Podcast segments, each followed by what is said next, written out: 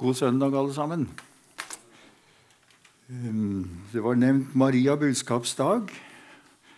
Og um, jeg har noen glimt av tekst og noen andre bibelvers her som uh, vi skal bruke og glede oss over. Um, jeg røper jeg vet ikke jeg røper vel ikke så mye når jeg sier at at jeg også prøver jeg, Av og til så mm, går jeg og snakker med Gud. Går det an å si det sånn? Det er vel det vi tenker oss, at vi har en form for et personlig relasjon både til han og til hverandre. Og så blir det som å prøve en liten samtale. Så i arbeid med den teksten her, da, eller så så ble det sånn at uh, du har vel hatt noe glede og oppmuntring, da, Per, av, uh, av denne teksten her. Har du ikke? Jo, Herre, lovet være ditt navn.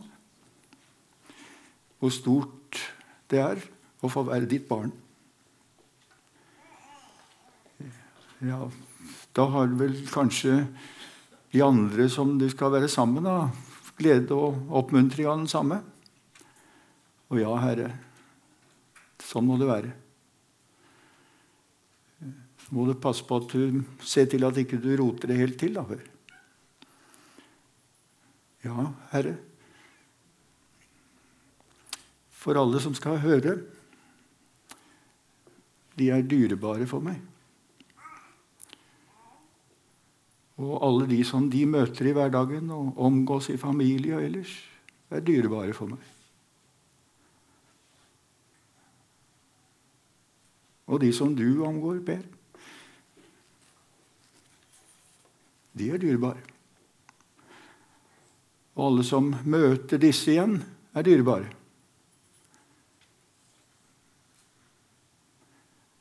Så det er stort å få samles og få være et fellesskap under en slik Gud.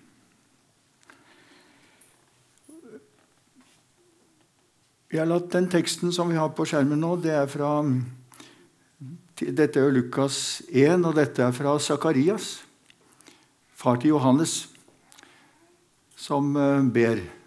Jeg tenkte vi kunne ha med oss det noen, noe perspektiv før vi ser nærmere på teksten som, som Maria fikk, og som vi har fått gjennom henne. Og her er det Johannes da, som sier, eller eh, Zakaria som sier egentlig om sin sønn når han får talen igjen ikke sant, etter å ha, ha vært stum en lang stund. Og du barn Det er jo med Johannes, sønnen som han fikk. Skal kalles profet for den høyeste. For du skal gå fram foran Herren og rydde hans veier og gi hans folk å kjenne frelsen når deres synder blir tilgitt. For Gud, vår Gud, vår Gud, er rik på miskunn. Og slik skal lyset fra det høye gjeste oss som en soloppgang og skinne for dem som bor i mørket og dødens skygge, og lede våre føtter inn på fredens vei. Det er forunderlig, egentlig. Sikkert et spesielt uttrykk, men det, hører, det, det klinger så fint på norsk også, gjør det ikke det? Ledes inn på fredens vei, dine og mine føtter. Fredens vei.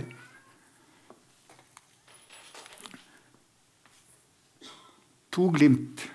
Det ene det er helt nå når, når Lukas har begynt å skrive om dette, så sier han jo til meg og til, til, oss alle, egentlig, at her, og det vet dere sikkert en, mye mer enn meg, her har han gransket.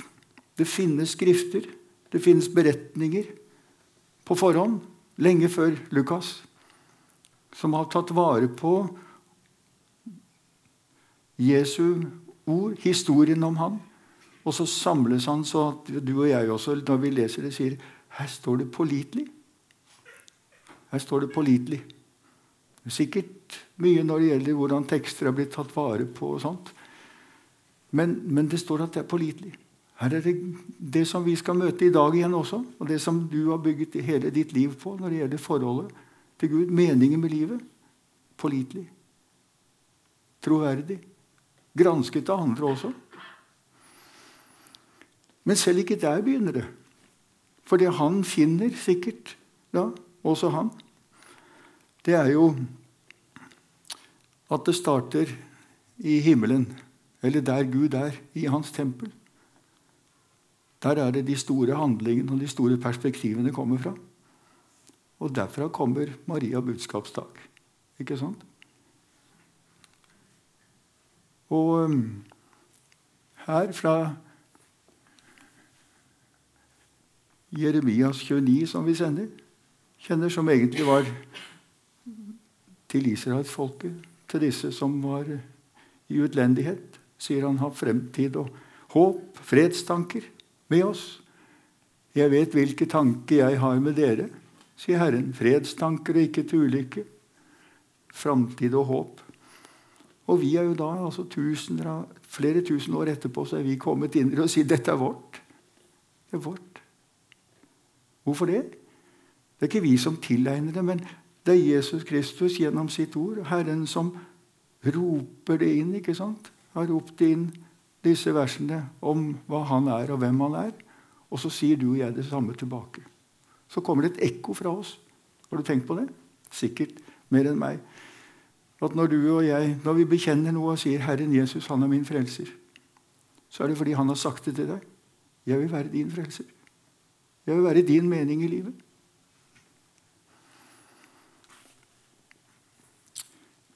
Og dette glimtet fra, også som vi får liksom fra, høre fra historie, historiesus ikke sant? Jeg ser ham. Jeg ser ham. Om Biliam der i eh, 4. Mosebok 24. Jeg ser ham, men ikke nå. Skuer ham, men ikke nær. En stjerne stiger opp fra Jakob. En kongsstav løfter seg fra Israel. Og så fra Jeremias, ikke sant? og da er det Herren selv igjen som sier Det er for lite at du er min tjener som skal gjenreise Jakobs stammer og føre de bevarte av Israel tilbake. Jeg vil gjøre deg til et lys for folkeslag, så min frelse kan nå til jordens ende. Nå kan du synes at har, nå har jeg tatt fram noen sånne mannakorn ikke sant? ut av sin sammenheng. Men det er vel egentlig ikke det. Det er bare et glimt fra det store perspektivet som også ligger over oss, våre liv. Og også når vi nå igjen skal enda en gang liksom høre også om Maria budskapsdag. vi får jo en del glimt fra Guds ord der. Forunderlig. Mens før, før Gud tar seg nærmere av Maria, så har han vært hos Sakarias. Ikke sant? Og det er mange, ser det ut til, det vet vi jo, i Israel som venter. Og så får vi høre noen glimt. Noen, ja, vi får høre to personer. vi. Litt lenger ute i det første kapittelet og andre kapittelet her i Lukas hører vi om Simon, som er i tempelet på denne tida her. Han er sikkert i tempelet før Maria får høre sitt budskap. For det står at han har fått beskjed om at han skal ikke fare herfra. Han skal ikke dø før han har sett Guds frelse. Og så er det en gammel, en gammel dame der, får jeg si. Sånn iallfall godt voksen dame, Anna. 84 år. Hun har vært her i mange år. Hun venter på den, dette som hun kaller Israels trøst. Og antageligvis så må jo vismennene kan lure på er de på vei allerede. Eller iallfall så gransker de, ikke sant? For dette her. Så, så fra Guds side så, så, er det et stort perspektiv ikke sant? Som, som, som nå skal det, bli det som du og jeg leser om, som heter tidens fylde.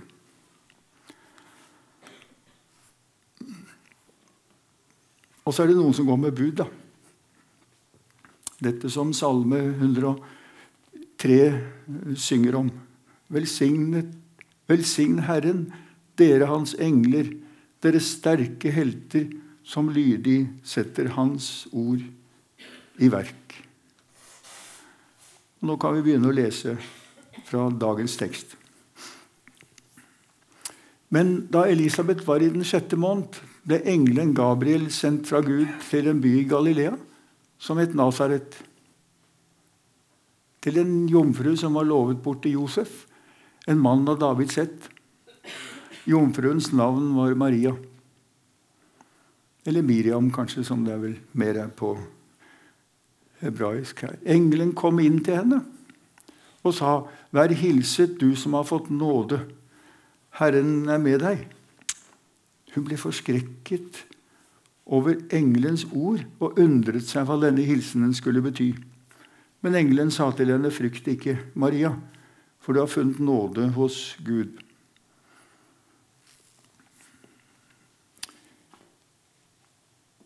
Et ungt menneske og vi får inntrykk av, iallfall de glimtene vi får fra den tiden, at de hadde omgang med Guds ord, med Det gamle testamentet. Kunne mye av det, også jenter på denne, eller unge kvinner får vi si, på den tiden. Og dermed visste mye. Sikkert kanskje til og med mer mye mer enn de. Eller iallfall jeg. Og antageligvis må har visst såpass mye da, når det kommer en engel, så er det ikke rart. Det at vi får iallfall ikke inntrykk av at hun er forskrekket over engelen, men det er forskrekket over hva han sier. Hm? Det kunne jo stått der at hun ble veldig forskrekket over dette. Så hvordan, hvordan fram, han framsto, vet vi ikke. Men han sier han er Gabriel. Og hun undrer seg over dette. Frykt ikke, for du har funnet nåde hos Gud.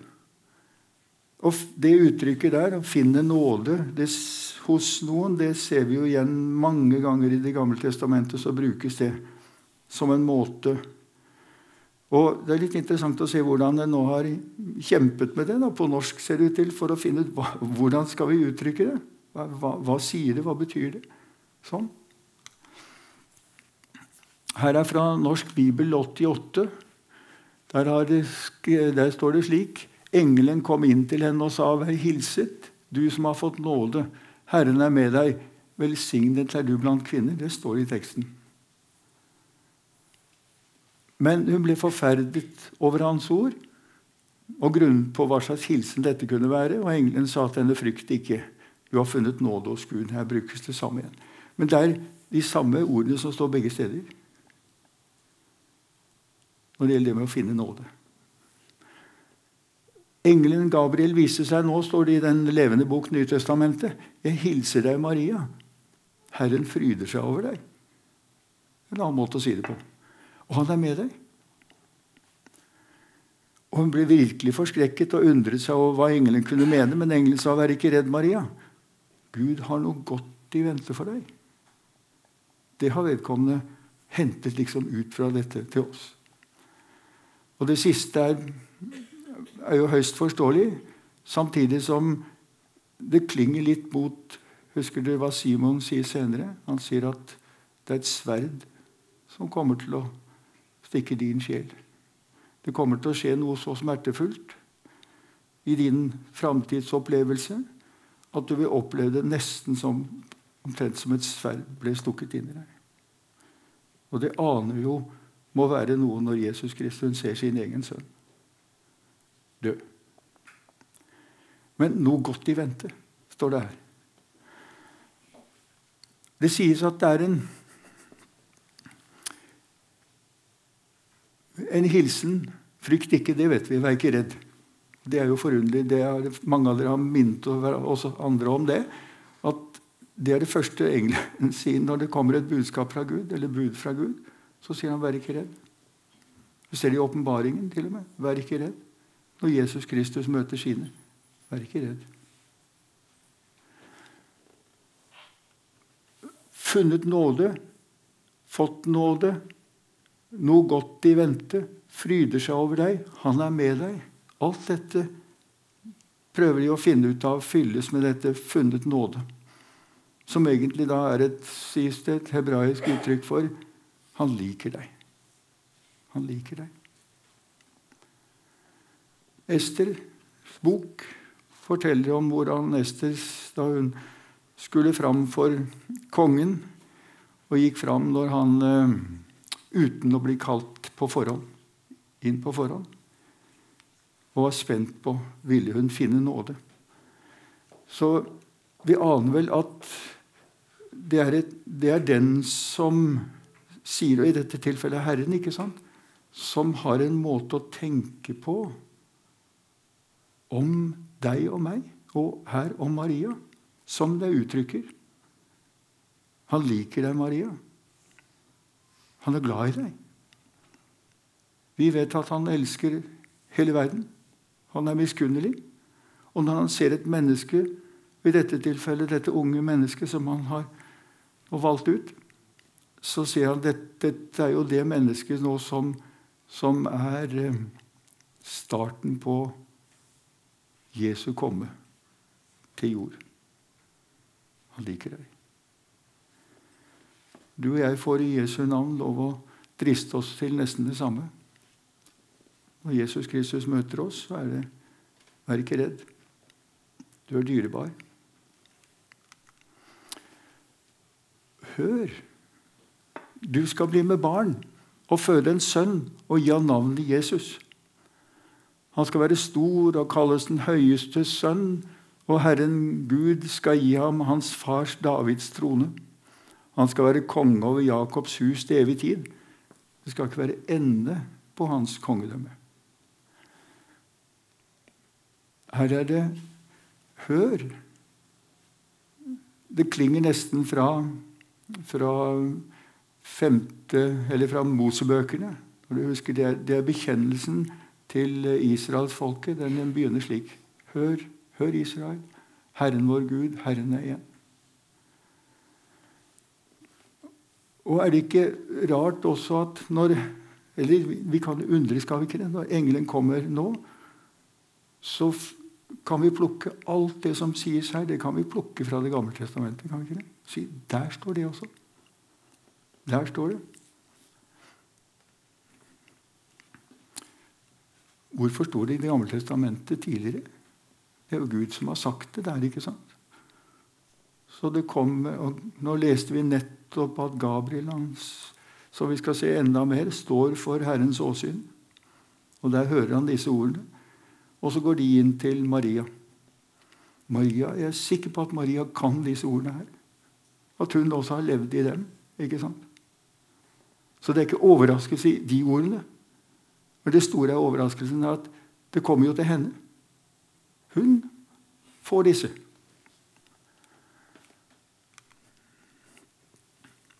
Maria sa da til engelen hvordan dette, skal dette kunne skje når jeg ikke har vært sammen med noen mann? Engelen svarte, Den hellige ånd skal komme over deg, og den høyestes kraft skal overskygge deg. Og derfor skal barnet som blir født, være hellig og kalles Guds sønn. Det er godt å lese i disse glimtene vi får når Gud møter mennesker. Så, så reagerer de sikkert litt sånn som vi gjør. Ikke i dette tilfellet her, for jeg kan jo ikke si det her. men men uh, i andre sammenhenger de spør. De drister seg til å spørre. Og her sier Maria Og det er jo Det er noe hun vet, ikke sånn som ikke vi må være naive og tro at hun er, hun er uvitende. Sier hvordan, hvordan skal dette kunne skje? Hvordan skal det skje? Antageligvis så har hun ordene fra Det gamle testamentet om en, en sønn som skal fødes. Så, men her for henne, hvordan skal det skje? Og Du har sikkert eller kanskje hørt det og tenkt sånn du kan da vel ikke tro dette her? At det er en jomfrufødsel, sies det. For i neste omgang å snu seg til andre og diskutere kunstig befruktning, eggdonasjon, surrogati.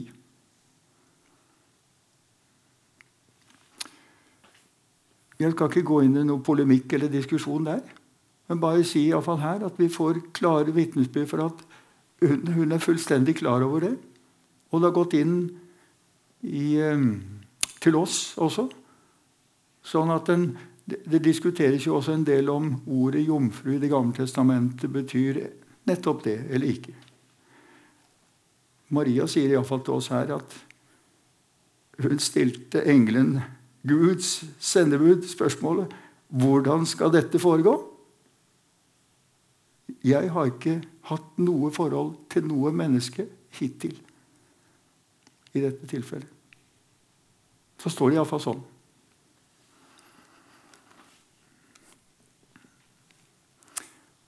Og som ikke det var nok, så får hun her beskjed om at hennes slektning, ikke sant, Elisabeth, venter en sønn, hun også. På sine gamle dager. På sine gamle dager. Og hun som de sa ikke kunne få barn, er allerede i sjette måned. For ingenting er umulig for Gud. Det vil jo vi alle sammen vitne om. Er det noe Gud vil? Er det noe Gud vil, så kommer det til å skje. Og da sa Maria, Se, jeg er Herrens tjenestekvinne. La det skje med meg som du har sagt. Og så forlot engelen henne. Det er jo kanskje like underlig. Det her, og det er mange som stusser over det, jeg også. Tenk at hun da sier det sånn her. Et ungt menneske, en ung jente, som har fått livet totalt forandret. Kanskje ikke skjønner i fall, Det er jo ikke urimelig at hun ikke skjønner rekkevidden av dette her. Hvem er hun nå i historien på dette tidspunktet? Hun drar til Elisabeth for å undersøke. Iallfall også, vet du. Men hun sier altså 'Ville du ha sagt det?' Jeg, når Gud skal tro om Gud prøver å nå oss med la oss kalle det mer hverdagsting. Si ja, Herre. Ja, nei, det vil jeg gjøre. Det må hende meg sånn som du sier.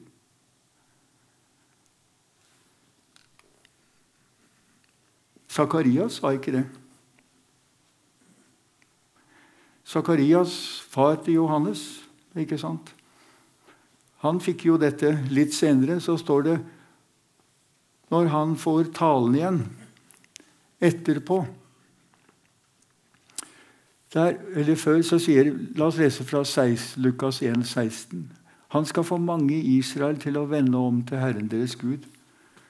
Det sier engelen til Sakarias eh, om Johannes. Han skal gå i forveien for Herren med samme ånd og kraft som Elia og vende fedrenes hjerter til barna. Og hør nå det er et fantastisk uttrykk, er ikke det? Å gi ulydige det sinn som rettferdige har.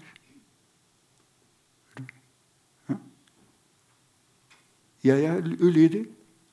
Jeg har vært ulydig når det gjelder i forhold til Gud også. Og så sier han at han vil gjøre det slik at det går an å få et sinn som rettferdig har. Det går an å bli overbevist om at Herren er miskunnsom, sånn at også jeg kan prøve å være det overfor andre mennesker. For å gjøre i stand Herren et vel forberedt folk.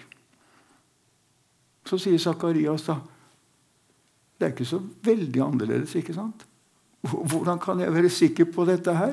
Jeg er gammel. Min kone også er langt opp i årene. Vi hører liksom ekko fra Abraham og Sara. Og da svarte engelen, engelen som står for Guds ansikt, og som har fått dette budet. Jeg er sendt for å tale til deg og bringe deg dette gledesbudskapet. Gledesbudskapet, du og Elisabeth. Og nå skal du bli stum og ikke kunne tale før den dagen dette skjer, fordi du ikke trodde mine ord. Men det jeg har sagt, skal gå i oppfyllelse når tiden er inne. Her er det det første som jeg syns er det viktigste når jeg leste dette om igjen, og så er det at Sakarias får, får en korreks her, ikke sant? Men det forandrer ikke noe med selve saken. Engelen kunne sagt at fordi fordi du ikke tror nå, så går vi til en annen. Det står det ikke. Det står det ikke. Sånn gjelder det med deg òg. Om ikke vi tror alltid, ikke tar det til deg, ikke syns 'Gjelder det meg?' Så kan hende Gud sier at og litt til oss, ikke sant? Ja, ja, det går en stund nå hvor du kanskje kommer til å gå glipp av gleden ved dette. Men den skal komme. Den er der. Jeg er der. Jeg har ikke forlatt deg. Engelen hadde iallfall ikke mulighet her og fått noe tillatelse til å gå en annen plass. Jeg skal tro om Gud sa til dem hvis, hvis Zakarias ikke hører, så får du anledning til å si at han blir stum en stund. Men det vet du jo ikke. Men det aller viktigste det er det at glede, dette gledesbudskapet det kunne Det fikk ikke Zakarias anledning til å hindre. Ikke sant? Det skulle fram. Det skulle fram til Zakarias, det skulle fram til Elisabeth, og det skulle fram i verden.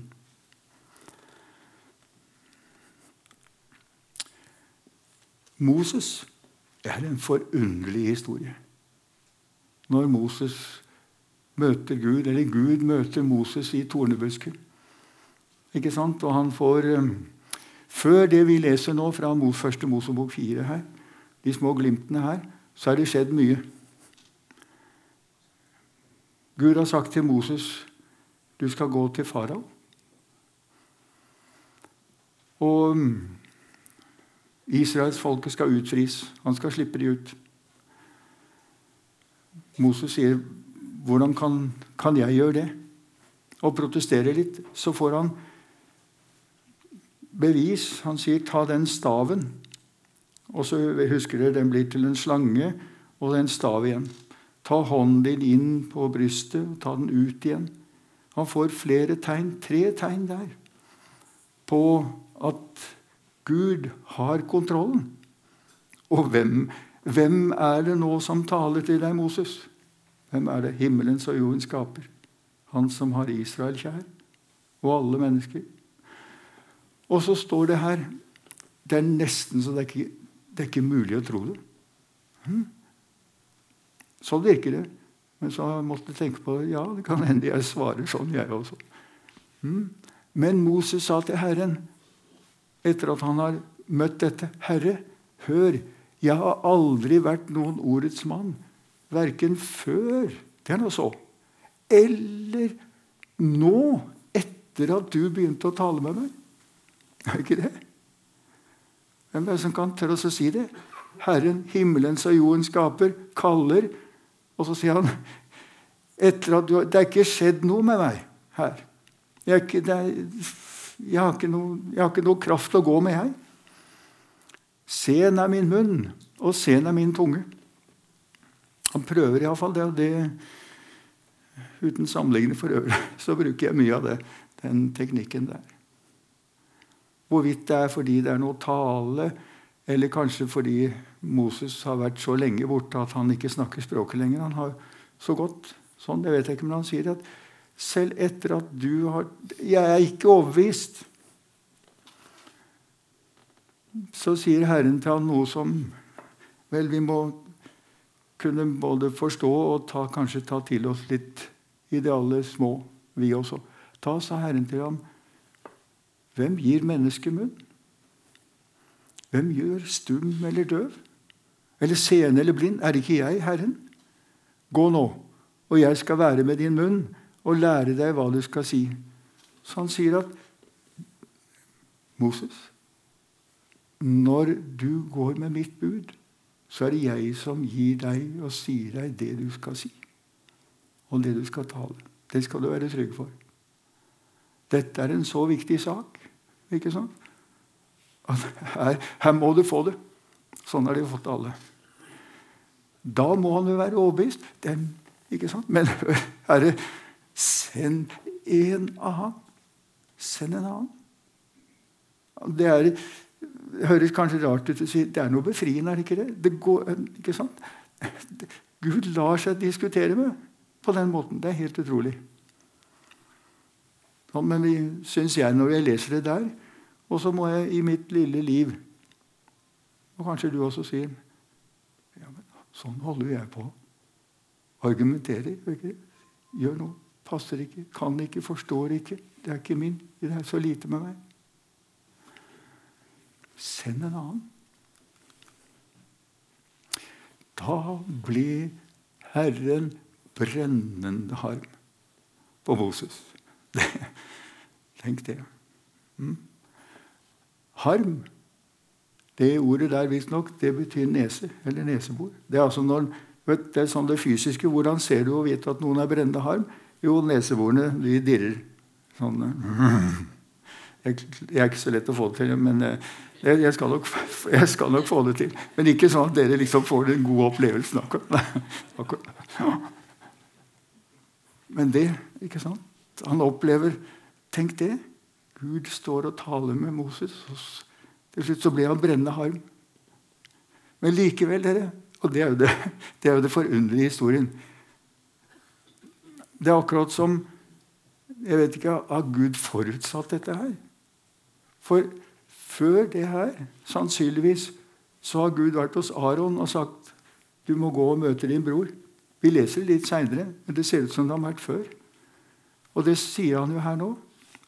Han sier det. Ja, ja. Han aksepterer. Det er det forunderlige, ikke sant?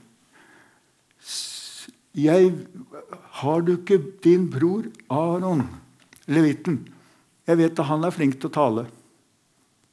Han er allerede på vei. Han er allerede på vei. Gud har alternative planer. Gud ordner. Det han vil, det kommer han til å gjennomføre. Og han har fredstanker. Snakk med han. Legg ordene i munnen på han, så skal jeg være med både din munn og hans munn og lære dere hva dere skal gjøre. Han skal tale til folket på dine vegne. Han skal være som en munn for deg, og du skal være som Gud for ham. Ta denne staven i hånden, og med, disse, med den skal du gjøre tegnene. Så igjen det som vi så Sakarias. Sakarias kan ikke med sin motstand, med, sin, med sine tanker, refleksjoner, forsiktighet, usikkerhet, hindre det som Gud vil. Og Zakarias, engelen sa til Sakarias at det han fikk, var gledesbud. Guds gledesbud kan ikke hindres. Vi skal ha én til slik. For det er mennene som, det er mennene som har alle disse herre om, omveien eller usikkerheten eller noe sånt. Det, nå har ikke jeg lest han så nøye, men det skulle, burde jeg sannelig gjort før, før, dette her, for å finne ut Sier kvinnene det? Her, hm, her er iallfall mennene. Jeremias, husker dere? Før jeg formet deg, Jeremias 1, i mors liv kjente jeg deg. Før du ble født, helliget jeg deg. Til profet for folkeslagene satte jeg deg. Men jeg sa, 'Å Herre, se, jeg kan ikke tale. Jeg er for ung.' Og da sa Herren til meg, du skal, si, skal ikke si jeg er ung. Overalt hvor jeg sender deg, skal du gå, og alt jeg befaler deg, skal du si. Likevel så kommer den dagen, og det kanskje vi forstår når vi ser de store utfordringene som eh, Jeremias hadde. At han da i, Vi får glimt i, vers, i kapittel 20. Jeg vil ikke tenke på ham. Aldri mer skal jeg tale i hans navn. Da var det som en brann, som det brant en ild i mitt hjerte. Innestengt i knoklene mine. Jeg strevde for å stå imot, men jeg greide det ikke.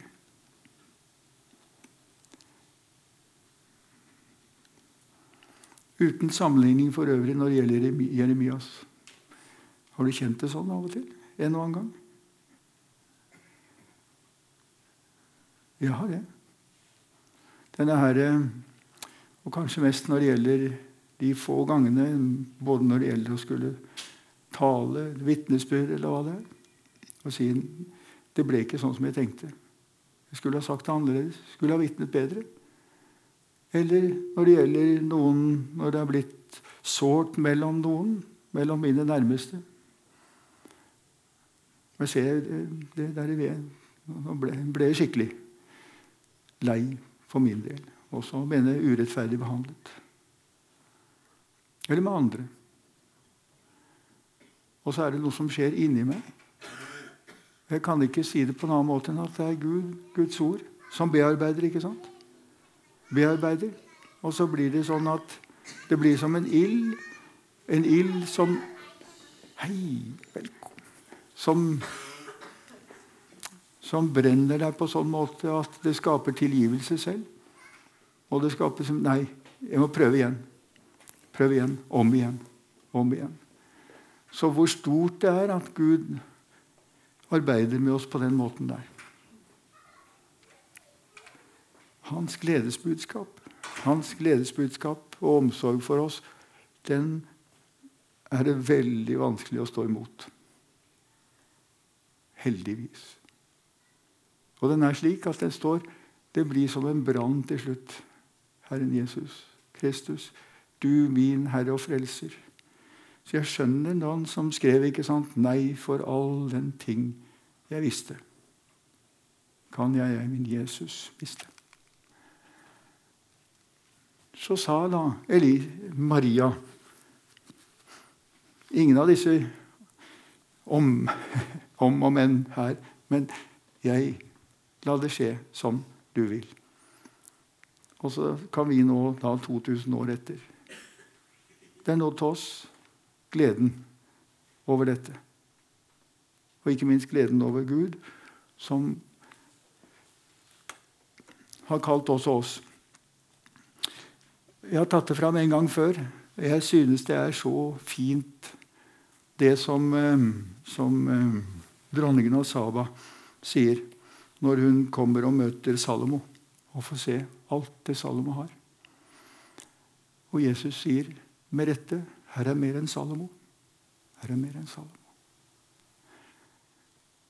For hun ser disse som lever nær Salomo, som får lov å være i hans fellesskap. Og så sier hun da i første kongebok 10.: Lykkelig er dine menn, og lykkelig disse tjenere som alltid får stå hos deg og lytte til din visdom.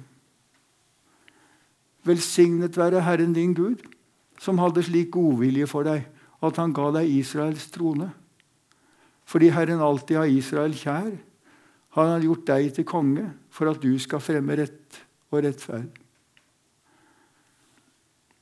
Og skulle vi driste oss til å, å snu det litt over til, vår, til oss, så kunne vi si det som Lykkelig er du. Og alle dine medvandrere, vi, alle kristne, alle mennesker, som alltid får stå hos Herren, kommet inn i Hans nærhet, i Jesus Kristus' fellesskap, barnekår, som det ble minnet om nå, og lytte til hans visdom, hans gledesbudskap, hans omsorg for alle mennesker. Ja, velsignet være Herren, vår Gud, som har slik godvilje for oss at han har gitt oss å være barn av Gud. For Herren har alltid Israel kjær, verden kjær, det vet vi. Og han har gjort oss til et kongerike, så vi også skal være med og fremme rett og rettferd der vi ferdes. La oss be og prise Herren sammen. Lovet være Gud, vår Herre Jesu Kristi Far. Han som i sin rike miskunn har født oss på nytt til et levende håp ved Jesu Kristi oppstandelse fra de døde, og til en arv som aldri forgår, aldri skitnes til og aldri visner.